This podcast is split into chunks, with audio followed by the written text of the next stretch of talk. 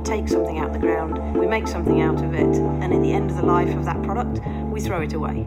Og jeg vil bruke og bruke, men da må jeg lære meg å bruke på. Ikke være en sånn bruk og kast-fyr, men heller en bruk og bruk og bruk-fyr. In a circular economy, uh, instead of it operating in this one way system, we, from the very outset, look at creating something that designs out the waste from the beginning. So, in terms of business opportunity, there's huge spectrum for, for companies to actually move towards a, a circular economy. I denne episoden av eh, Bærekraftseventyr med Jørgensen og Pedersen så skal vi snakke om noe som står våre hjerter eh, nært, Lars Jakob. Sirkulærøkonomi. Nærmere bestemt om å slanke, bremse og lukke. Hva er det vi, er det vi legger i dette her? Både sirkulærøkonomi og, og disse tre begrepene slanke, bremse og lukke. Ja, Det skal vi gå i dybden på i denne episoden. Og eh, Noe av grunnen til at dette ligger våre hjerter så, så, nært, er jo at vi faktisk møttes i sin tid på et doktorgradskurs i det som den gangen ble kalt kretsløpsøkonomi, og som vi nå eh, stort sett kaller for sirkulærøkonomi.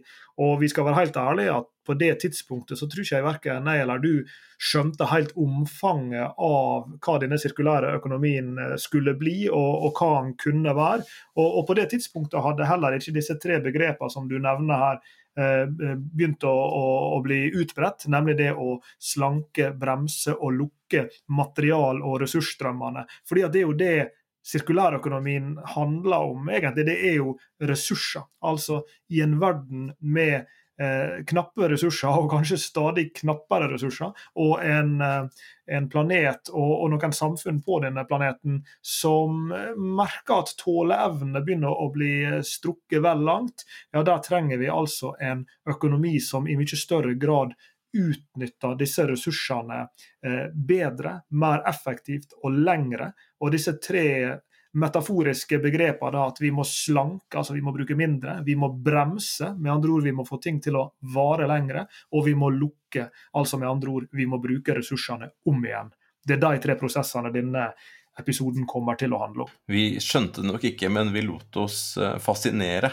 Eh, og det var jo absolutt et brudd med den måten vi var trent opp på som, som bedriftsøkonomer. Vi var jo trent opp i en sånn type lineær logikk, hvor man skulle produsere, man skulle eh, bruke, og så skulle man kaste. Det ble jo ikke sagt så eksplisitt, men det lå jo på en måte implisitt i, i, den eh, økonomien og den tankemåten eh, vi var eh, oppdratt i.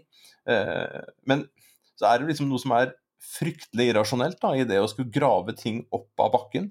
Det å produsere noe som bare skal vare en kort stund, og så skal du, så skal du hive det. Da blir det jo tomt på den ene siden. Det er jo helt åpenbart. Det blir jo tomt for, for ressurser. Eh, og så på den andre siden, der hvor man kaster det, så fyller det seg opp både med avfall og utslipp og sånne ting. Men, men, eh, men der ligger det også mange ressurser som man, som man bør bruke på nytt igjen.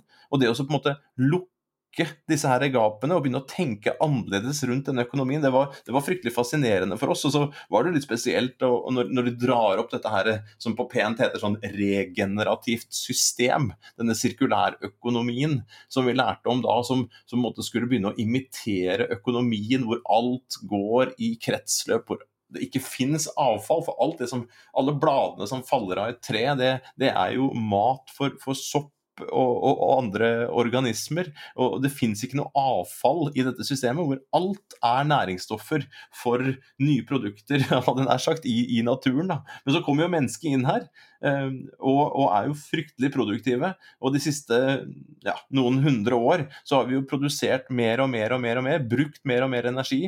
Vi har brukt uh, ressurser som i, i, stor grad har vært eh, ikke-fornybare. Og vi har ikke klart da, å, å, gjøre dette regenerative grepet med å gi eh, produkter og produktene våre da eh, lang levetid. Og det å bygge eh, gamle produkter Unnskyld, jeg skal prøve igjen. Bygge nye produkter på, på de gamle. Akkurat dette nesten litt sånn historiske perspektivet du legger til grunn, er jo litt viktig her. fordi For at vi skal ordentlig forstå um, altså Den lineære økonomien må forstås i sin tid. Uh, for det var jo sånn hvis du går tilbake igjen til Du trenger ikke engang å gå veldig langt tilbake i tid, men i alle fall hvis du går tilbake igjen til, til den tida hvor den på en måte moderne bedriftsøkonomien ble til, så var jo ikke det ressursproblemet noe som en tenkte så mye på Jeg husker på dette doktorgradskurset som jeg nevnte oppe i, i Bodø, så sa professor Ove Jacobsen som leder at, at vi har liksom levd i en cowboyøkonomi hvor vi alltid kan dra vestover etter flere ressurser, men at vi nå kanskje trenger en romskipøkonomi for å, for å reise utover. Og, og den lineære økonomien må jo forstås nettopp sånn. altså på et vis så var det kanskje ikke tydelig eh, den gangen de lineære modellene ble, ble, konstruert, om du vil, eh, hvor eh, økonomisk irrasjonelt det var, og hvor miljømessig irrasjonelt det var. Men dette har jo sakte, men sikkert gått, gått opp for oss, slik at denne her Eh, karikerte utvinn, bruk og kast, take, make and dispose-modellen som hele eh, nær sagt bedriftsøkonomien historisk har vært basert på, den er altså på et vis i, i ferd med å gå ut på dato. Og det er jo da sirkulærøkonomien som idé kommer inn som, akkurat som du var inne på, en litt sånn idealmodell. da, En verden hvor det ikke skal være avfall. Vi skal kunne bruke alt om igjen. Eh, energi, Det skal ikke være energilekkasje, det skal helst ikke genereres noe restavfall. Ting skal bygges for å kunne oppgraderes, forbedres og gjenbrukes, og til slutt resirkuleres. Eh, vi er en lang vei å gå for å komme oss dit, men i alle fall er det et tydelig målbilde som skiller seg da fra denne klassiske lineære økonomien. Og Det høres litt sånn tilfeldig ut, at og det ble en lineær økonomi. Men det var jo ikke helt tilfeldig. altså I, i depresjonen på 30-tallet så ble det jo skrevet en, en, artikkel av Bernard London som skrev 'Ending the depression through planned obsolescence'. Altså hvordan man skulle komme seg ut av denne depresjonen ved å produsere ting som ikke skulle vare så lenge. Altså, det, det, altså for den økonomien den var helt avhengig av at man produserte for å, å kaste. så sånn at man fikk fart på økonomien. Og vi har også hørt politikere de senere 10-20 årene i Norge også for den saks skyld si at nei, nå må vi ta fram lommeboka og, og, handle mer. For vi er nødt til å kjøpe mer for å få fart på økonomien. Um, og da er det jo litt sånn brudd, da, hvis man skal begynne å tenke sirkulært her. Man skal ha bedrifter som altså, skal tjene penger på å, å, å lage ting som skal vare. Eh, hvor man skal redesigne produkter sånn at man skal bruke komponenter på nytt igjen. Da. Man er nødt til å finne forretningsmodeller hvor man skal eh, leie ut ting f.eks. istedenfor å eie dem og gi tilgang til, til, til de produktene som, som, folk trenger. Så her er det ganske mange brudd, og det kreves også her innovasjon for å skjønne hvordan i all verden er det man skal gjøre det motsatte av denne planlagte overfloden?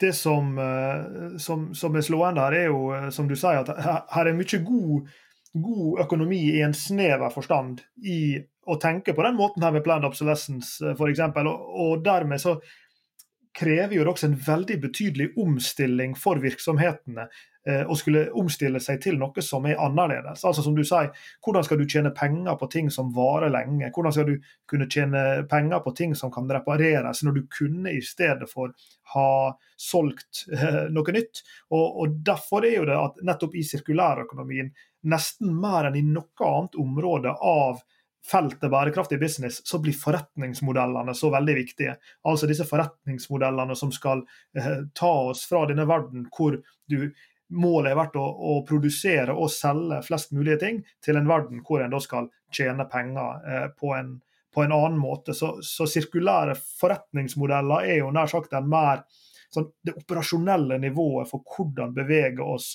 fra denne lineære modellen og mot en slik sirkulær modell. Her har vi hentet eh, inspirasjon hos eh, kollegaer som har en definisjon som nettopp bruker dette bremse, lukke tjukke og slanke. Kan ikke du dra oss gjennom denne, denne definisjonen? Jo, det er rart med det. Det er jo få ting som er så praktisk som en god definisjon. Og, og her på eh, vår podkastserie så deklamerer ikke vi poesi, her deklamerer vi definisjoner istedenfor. Uh, og, og, denne Definisjonen er tatt fra et paper fra 2017 som er skrevet av, um, av en forskergruppe ledet av Martin Geisdorfer på universitetet i Cambridge. Og, og Han skriver dette egentlig veldig poengtert. Sirkulærøkonomi, skriver han, det er et regenerativt system. Det var det begrepet du brukte i stad, Sveinung.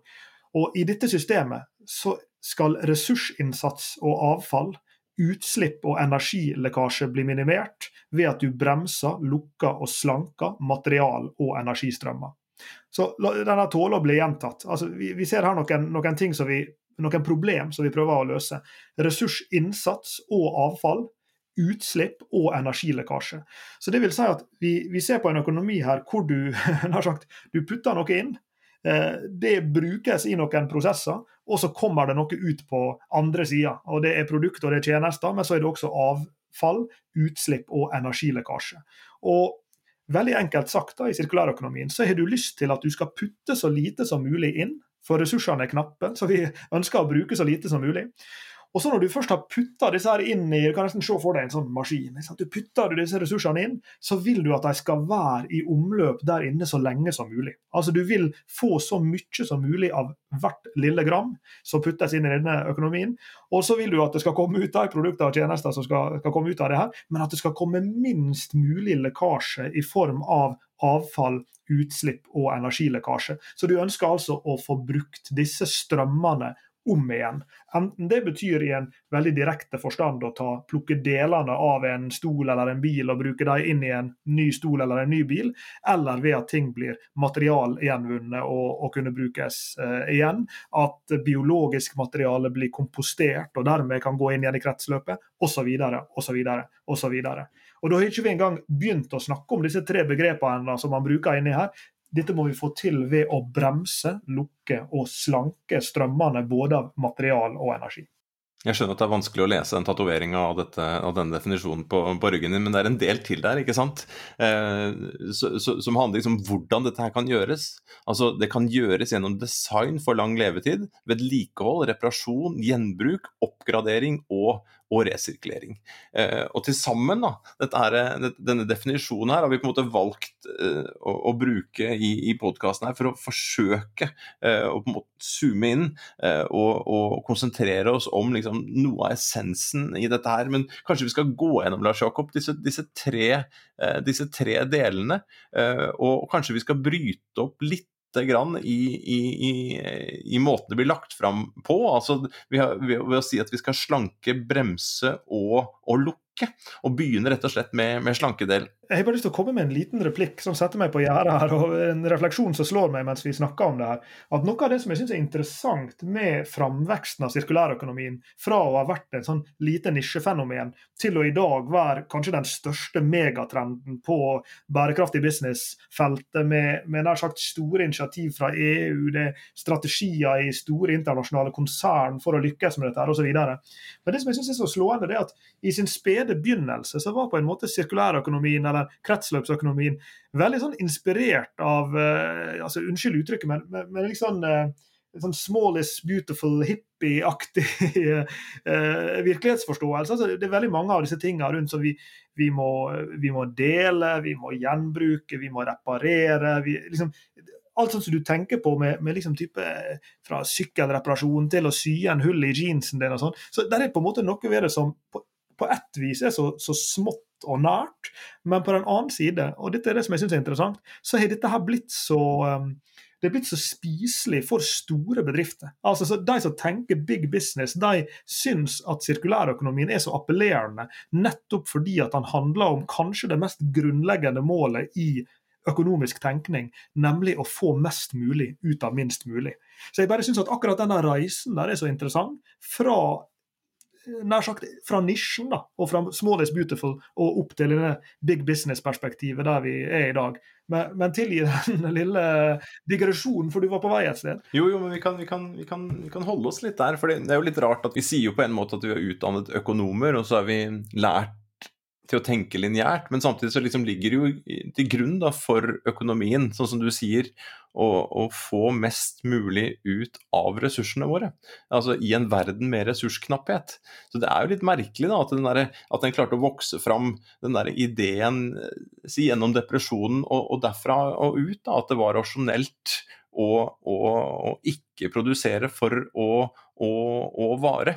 Og, dessverre da, så var vi litt seint ute der med å finne disse forretningsmodellene eh, som gjorde at man kunne tjene penger da, på å produsere en, en bil f.eks. Som, som varte lenge, kontra det å, å, produsere en bil som ikke varte lenge, men som i, i større grad kunne repareres og oppgraderes eh, og sånne ting. Så det er jo egentlig eh, fornuftig økonomi. Og så nevnte du en ting til, eh, Lars Jakob, som jeg bet meg merke i, og det var den der, der big business-delen av det. Det går jo reklame på, på TV nå jevnt og trutt for, for Ikea, som skal bli Eh, innen 2030 står det her, skal de bidra til et lavslippssamfunn ved å strekke oss etter null avfall og ved å bli 100% sirkulære og klimapositive i vår egen drift.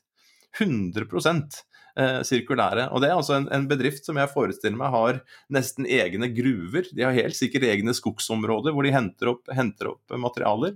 Eh, produksjon, distribusjon, går ut til oss eh, kunder i flatpakka eh, produkter, ofte eh, lagd av, spon og lim, enten det er kjøkken eller bord eller stoler eller hva for noe. Og så skal de altså ta tilbake. Jeg så senest i går at de nå begynte å kjøpe tilbake brukte produkter, sånn at det skulle tas inn igjen i, i sirkulasjonen. De er jo så store at de har jo muligheten kanskje til å gjøre dette her på egen hånd. Eh, men det er jo ganske sånn, eh, for å si det på utenlandsk, bold, modig, hårete målsetting å gå ut med og si at de skal bli 100% sirkulære. Det skal altså ikke gå noen ting til spille i hele her, i hele, i hele systemet. Og da er det vel Da er de i hvert fall nødt til å, å skjønne hvordan de skal slanke, bremse og, og lukke disse materialstrømmene. Alt fra ressursene som går inn der ved energi, gjennom hele systemet. Og alle de eh, materialene som, eh, og ressursene som går gjennom her, både de eh, materialene som, som, er på en måte det vi har produsert, altså de tekniske, de, de, de næringsstoffene som, som i det sirkulære økonomiske språket, da, så snakker man ofte om disse tekniske næringsstoffene og de biologiske næringsstoffene, hvor biologien det, det er alt som skjer i naturen, med, med, ull og bomull og sånne ting. Men så produserer vi også metaller og slike ting, og ofte så setter vi sammen produkter, sånn som Ikea f.eks., som setter sammen da produkter hvor man både bruker ull og bomull og det som kommer fra naturen, og så bruker man eh, det som kommer fra måte, disse tekniske næringsstoffene som, som vi mennesker da har, har, produsert. Og så settes dette sammen til produkter. Eh, og hvis disse skal vare lenge, hvis de skal gå an å reparere, hvis de skal gå an å ta fra hverandre og bruke komponenter på nytt eh, i, i en sånn big business da, som f.eks. Ikea, de er ikke alene om å sette seg dette målet. så dette er bare et et, et, valgt eksempel. Vi kunne tatt uh, andre også.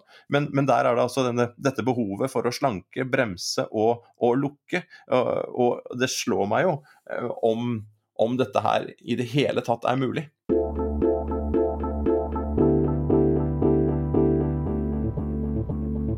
Det er jo noe med disse big business-eksemplene som, som, florerer av i sirkulærøkonomien i dag. Og Det er kanskje ikke uten grunn at det er store aktører som Ikea, eh, Renault, ikke minst i, i Frankrike, bilprodusenten, Apple, Philips, som, eh, som, har kommet langt i å, å, bygge disse typene sirkulære verdikjeder. Det er selvfølgelig fordi at de har noen skalafordeler med å lykkes med det.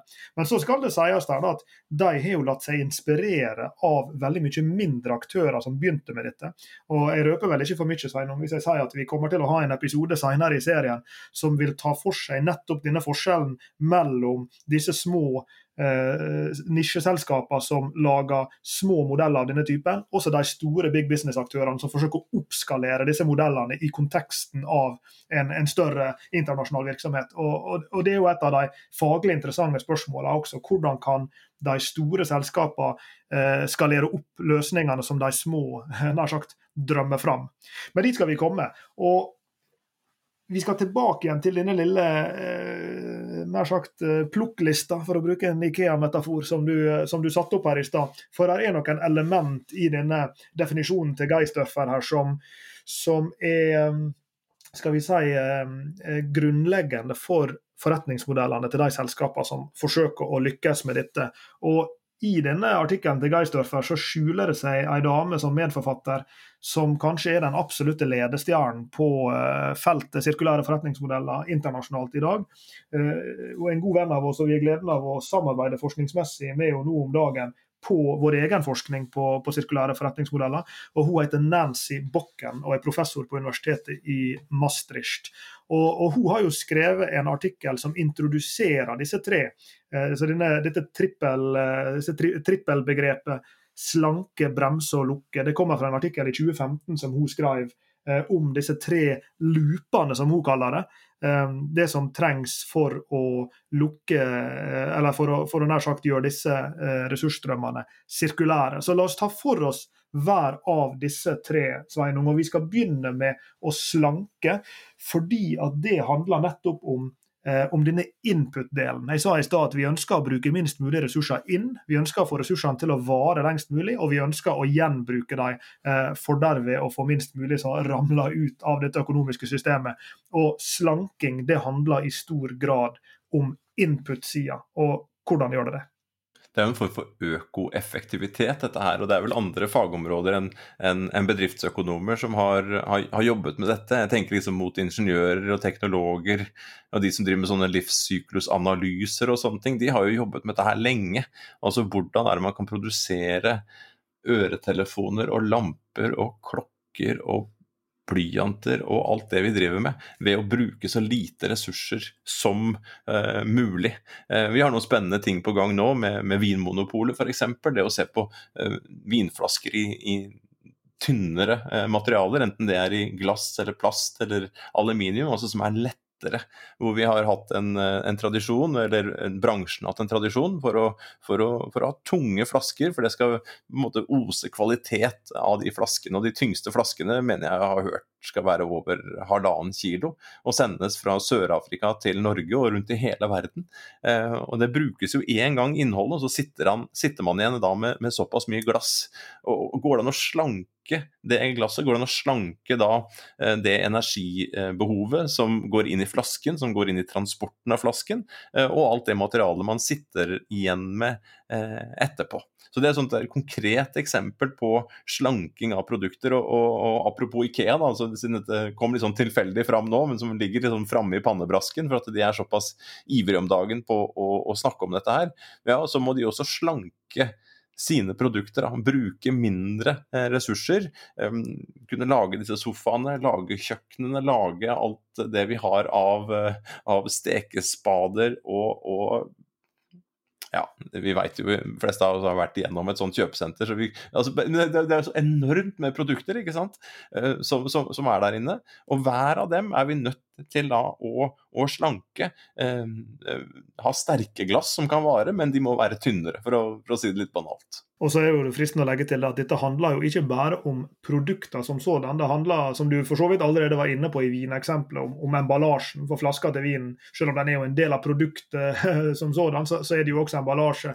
Men det kan være potetgullposen, hvor vi vet at store retail-aktører i UK nå f.eks. Eh, gir leverandørene sine beskjed om at nå vil ikke de lenger ha potetgullposer hvor halvparten er bare luft. Da må du lage en potetgullpose som er tilpassa størrelsen på det faktiske innholdet. Det er jo et annet eksempel på denne typen slanke snakking, men vi kan til og med ta ett skritt lenger unna produktet. Og så kan vi si at eh, når eh, jordbruksaktører driver med, med, smartere gjødsling eller bruker vannkonserverende teknologier, så er jo det også en slags form for slanking. For da går det mindre vann, mindre gjødsel, mindre av alt inn også i produksjonsprosessen, ikke bare inn i produktet. Og, og det er klart at det, det, er jo lett å høre allerede, Sveinung, at at dette er jo forenlig med god økonomi. Fordi at hvis, hvis du kan bruke mindre for å lage det samme, eh, så, så kan jo det så absolutt være forenlig eh, med, med lønnsomme tiltak. Og, og, det som vi kanskje kan legge til som et, som et sånn siste eksempel her, som vi ikke har vært inne på enda, det er jo alle disse mer høyteknologiske løsningene som også muliggjør denne typen slanking. Og en som kanskje stikker seg særlig ut der, er jo 3D-printing, såkalt additiv produksjon, hvor du altså istedenfor å nær sagt skjære produkt ut av en større blokk av hva det nå enn er laga av, så genereres det av nøyaktig så mye ressurser som du trenger som input for å lage det aktuelle produktet. Så her er det veldig mange ting som ligger i dette første av disse tre begrepene, nemlig å slanke material- materiale- og energistrømmer. Som faglig her, Vi har jo fått, holdt noen foredrag opp gjennom årene om dette her, og det, det hender jo at vi får en sånn ivrig hånd og et spørsmål eh, som, som, som, spør ja, men er ikke dette her lean? Er ikke dette her det samme som sånn lean produksjon, eller production, hvis en skal bruke både to engelske uttrykk etter hverandre? Um, har ikke vi drevet med dette her før? Har man ikke skjønt dette her?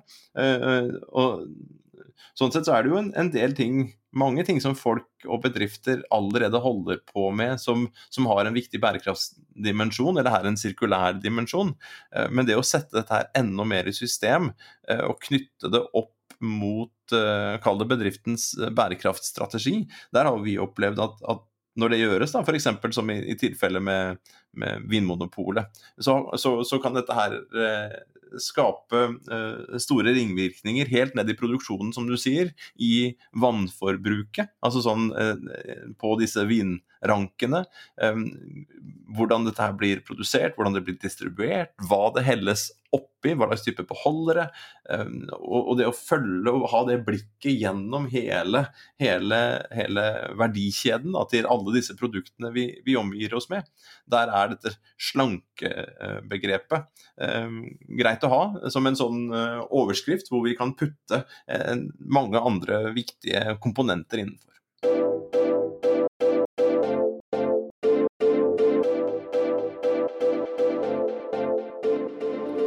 Slanke, bremse og lukke. Altså. Det betyr at vi er kommet nå til eh, prosess nummer to, som dreier seg om å bremse, altså å opprettholde verdien av ressursen så lenge som mulig når han først har blitt putta inn i det økonomiske systemet, så å si. Og Her er jeg frista til å trykke litt på pause og introdusere et begrep til for å gjøre vondt verre. Fordi at de, når en begynte å snakke om sirkulærøkonomi, så var det veldig mye ble det veldig ofte satt likhetstegn mellom sirkulærøkonomi og resirkulering.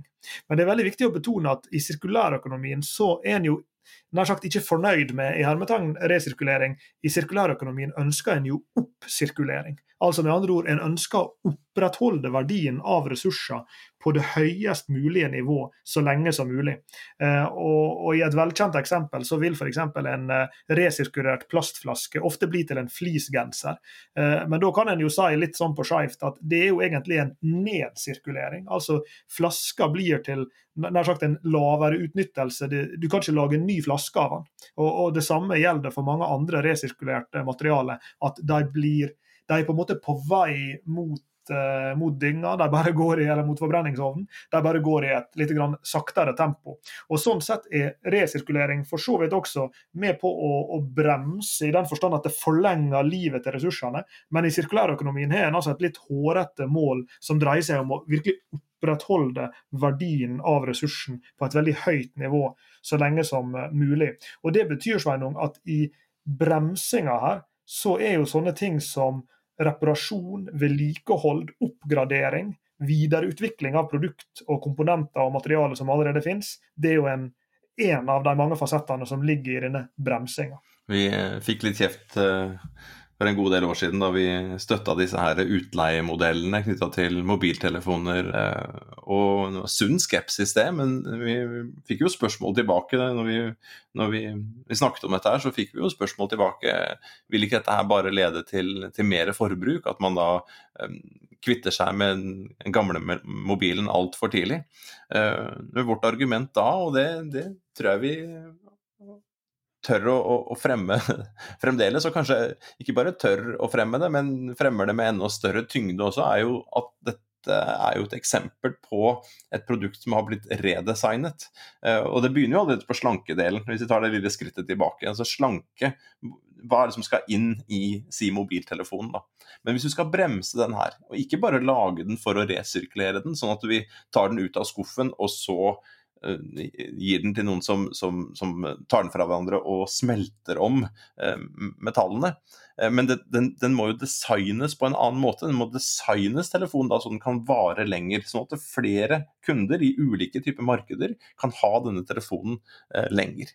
I tillegg så må det jo designes forretningsmodeller som vi er opptatt av. Som gjør at en, en, en virksomhet da, som, som leier den ut, Eh, kan få penger for det, samtidig som den kan ta den tilbake og ha folk som kan reparere den, rense den, kanskje putte, på, eh, putte inn nytt batteri, og så leie den ut eh, på nytt igjen. Og Da må du jo forlenge levetiden, altså bremse, bremse økonomien da, på denne måten. Både gjennom måten den er designet på, måten, og måten vi, har, måten vi, vi designer forretningsmodellene på. Og så vet vi jo nå eh, også at det, at det, skjer innenfor mobiltelefonbransjen. Så, så, begynner man å designe telefonene sånn at når de har vært igjennom flere runder med bruk, da, i ulike markeder med ulike, ulike betalingsvilje og, og, evne. Så den kan begynne et, et high end-sted i, i, verden til, til, så, som en ny telefon, men etter hvert så kanskje den kan brukes i andre markeder hvor man ikke har like stor betalingsevne. Eh, og Hvis den da kommer tilbake igjen og, og, har blitt designet på en sånn måte at man kan bruke komponenter på nytt igjen, ja, så har de i dag roboter som tar fra hverandre disse mobiltelefonene. Så kan man bruke komponenter fra den gamle mobiltelefonen inn i den nye. Og Det er jo langt mer rasjonelt enn å drive og grave ned i bakken etter nye, nye ressurser som skal smeltes om og fraktes og produseres, og så brukes inn i den nye telefonen. Så denne bremse, denne bremse, bremse Det som vi er inne på her med bremsing, det har jo så mange fasetter. Altså det, det høres så greit ut, bare bremse det, men, men, det er så mange ting som skal på plass da, for å få til dette her og det som skjer sømløst nå, da, og det er vanskelig å, å holde tunga beint nok i munnen til å forhindre at det skjer, det at vi sakte sklir over i det tredje temaet, som er å lukke disse eh, energi- og ressursstrømmene. Fordi at Det siste som du er inne på og snakker om her nå, da er vi jo egentlig begynt å bevege oss inn i det som en kaller å luk lukke loopen, 'closing the loop', som en sier på engelsk. Altså det å ta komponenter fra ett produkt og putte det inn igjen i det nye produktet. Eh, da har vi egentlig begynt på den gjenbruksdelen av disse slanke slanke bremselukker, altså det å lukke loopen, sørge for at ingenting faller ut, så å si. Så her er det en veldig sånn eh, hårfin grenseoppgang. Jeg syns sånn sett smarttelefon, som du brukte som eksempel her, er et, eh, er et godt eh, case å bruke for å, for å, snakke om forskjellen på disse to. Henholdsvis det å bremse, altså opprettholde verdien på disse Eh, komponentene så lenge som mulig, og det å lukke altså den eksplisitte gjenbruket av komponentene. Fordi at I bremsingsdelen så tenker du at sånne ting som um, vedlikehold, uh, reparasjon osv. det er veldig tydelig en del av, av det med å bremse. Og så er her da en sånn nesten overlappende grenseoppgang da, i det øyeblikket du begynner å si at jo, men la oss ta av det knuste glasset fra denne smarttelefonen, og så tar vi et, et glass her borte som var på en annen telefon eh, som vi ikke bruker lenger, og så kan vi sette det på igjen. Ja, Da er det jo dels handler det om å bremse eh, den telefonen nummer én som vi setter på det nye glasset på, men dels så lukker jo du loopen ved å ta en komponent fra en annen telefon og bruke inn i denne telefonen igjen. Så Derfor er det litt krevende egentlig å, å håndtere skillelinjene mellom de to siste av disse tre prosessene, bremsing og lukking, fordi at de så veldig tett henger sammen. Og da har vi jo plutselig kommet inn i nummer tre, som handler om da å lukke loopen. Og der er jo det en stor klasse av forretningsmodeller som en ofte kaller for value from waste-modeller. Altså forretningsmodeller som eksplisitt er basert på ideen om å bruke det som ellers ville ha blitt til avfall, som input-faktorer inn i et nytt produkt eller en ny produksjonsprosess. Og Her skal vi være særdeles glad for at det finnes etter hvert velfungerende avfallshåndteringssystemer og, og selskaper. Eh, og, og, og, det er jo, vi er jo helt avhengig selvfølgelig også å resirkulere, og alt kan ikke oppsirkuleres. Eh, selv om man har klart da, å, å, å, slanke det, vi har klart å bremse og, forlenge levetiden eh, på ulike måter. Og så luk, lukkes disse loopene ved at man kan gjenbruke komponenter. For man har designet både mobiltelefoner og hus og biler og andre ting på en sånn måte at man, at man har en, eh, at, at den, den, nye modellen kan bygges på, på grunnlag av, av, den, av, den, gamle, og at uh, produktene og, og tingene våre er bygd på en modulær måte, sånn at de kan tas fra hverandre og brukes uh, på nytt igjen. Men når det er helt nedslitt, uh, så skal vi være fryktelig glad hvis det er designet på en sånn måte at man ikke har smeltet sammen aluminium og, og, og, og plast f.eks., så man ikke kan ta det fra hverandre. Og også hvis man har rene ressursstrømmer, sånn at man kan resirkulere dette her ned til det siste grammet eller siste atomet. Enten det er, er plast eller papp eller ulike typer aluminium, eller, eller, uansett hva slags type ressurser det er. Så det at det, det er noen som sitter på, på enden og, og, tar igjen det som tar opp det som er igjen her, det er selvfølgelig ekstremt viktig. Men samtidig så er jo resirkulering her en sånn for å si det på engelsk, sånn last resort. Det er, det, det er, jo det, siste man ønsker her. Det er jo ikke, et, det, er ikke det man, man, man skal man, man, får ikke et regenerativt system hvis man baserer det på, på resirkulering, Det, det, tør vi vel å, å hevde, gjør vi ikke det, Lars Jakob? Jo, det er jo noe av grunnen også til at du sa her i stad at vi må, vi må enn så lenge tenke på dette som en slags idealmodell som vi skal strekke oss etter. Og så er vi ganske langt unna å lykkes med en sirkulær økonomi. Men eh, vi bør i alle fall kunne enes om at disse prosessene her som vi nå har beskrevet, det å slanke ressursstrømmene på vei inn i økonomien og bremse ressursflyten av ressursene gjennom økonomien, og da lukke loopen for å hindre at ressurser i hermetegn faller ut av økonomien, det, det, må vi lykkes med for å få dette til.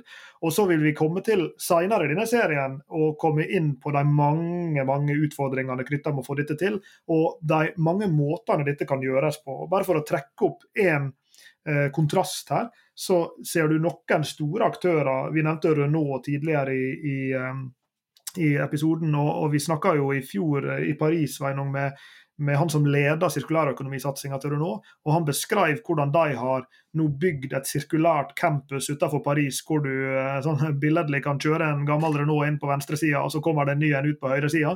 For de har satt opp der alt fra, fra demonteringsverksted til smelteverk og, og, alt mulig, for å kunne muliggjøre en så høy grad av gjenbruk som mulig av bilene. Og Da snakker vi altså innenfor én virksomhet. Men så ser vi selvfølgelig også framveksten av massevis av sirkulærøkonomiske modeller som går på tvers av bedrifter. Eh, vi ser jo at det framvokser til og med marked for annenhåndsressurser som skal kunne brukes igjen. Men her er mange eksempel på bl.a.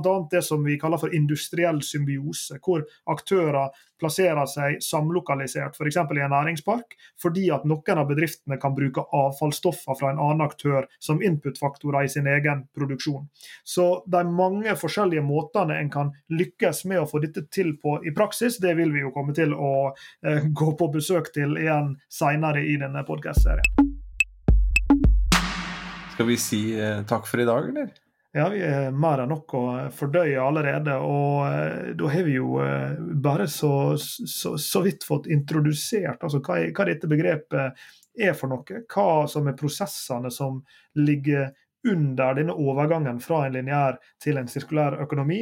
Eh, og vi begynte å skrape litt i ja, hvordan vil da disse forretningsmodellene se ut, som skal eh, gjøre at bedriftene lykkes med dette arbeidet. Og så ser vi jo fram til i mange andre episoder Sveinung, å skulle gi konkrete eksempel på bedrifter som får til det her. Vi skal zoome inn på de ulike typene sirkulære modeller som, eh, som, vi bare har introdusert så vidt her, eh, og på mange andre måter fordype oss i sirkulær økonomi og veien dit.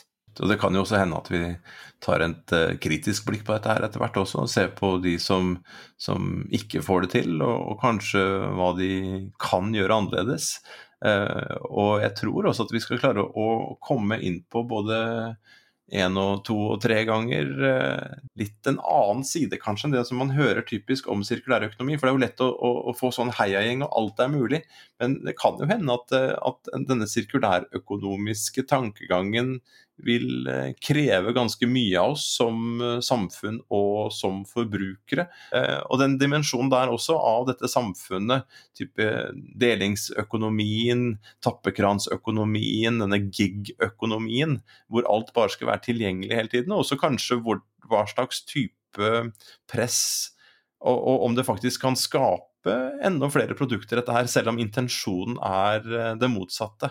Så her er det mange perspektiver og dimensjoner som vi kan eh, kose oss med framover, Lars Jakob. Og vi sier eh, takk for i dag, og så høres vi igjen. Du har hørt på Bærekraftseventyr med Jørgensen og Pedersen. Send e-post til eventyr krøllalfa jorgensenpedersen.no for å stille oss spørsmål eller komme med forslag til tema for fremtidige episoder og besøk jorgensenpedersen.no for mer informasjon om denne podkastserien.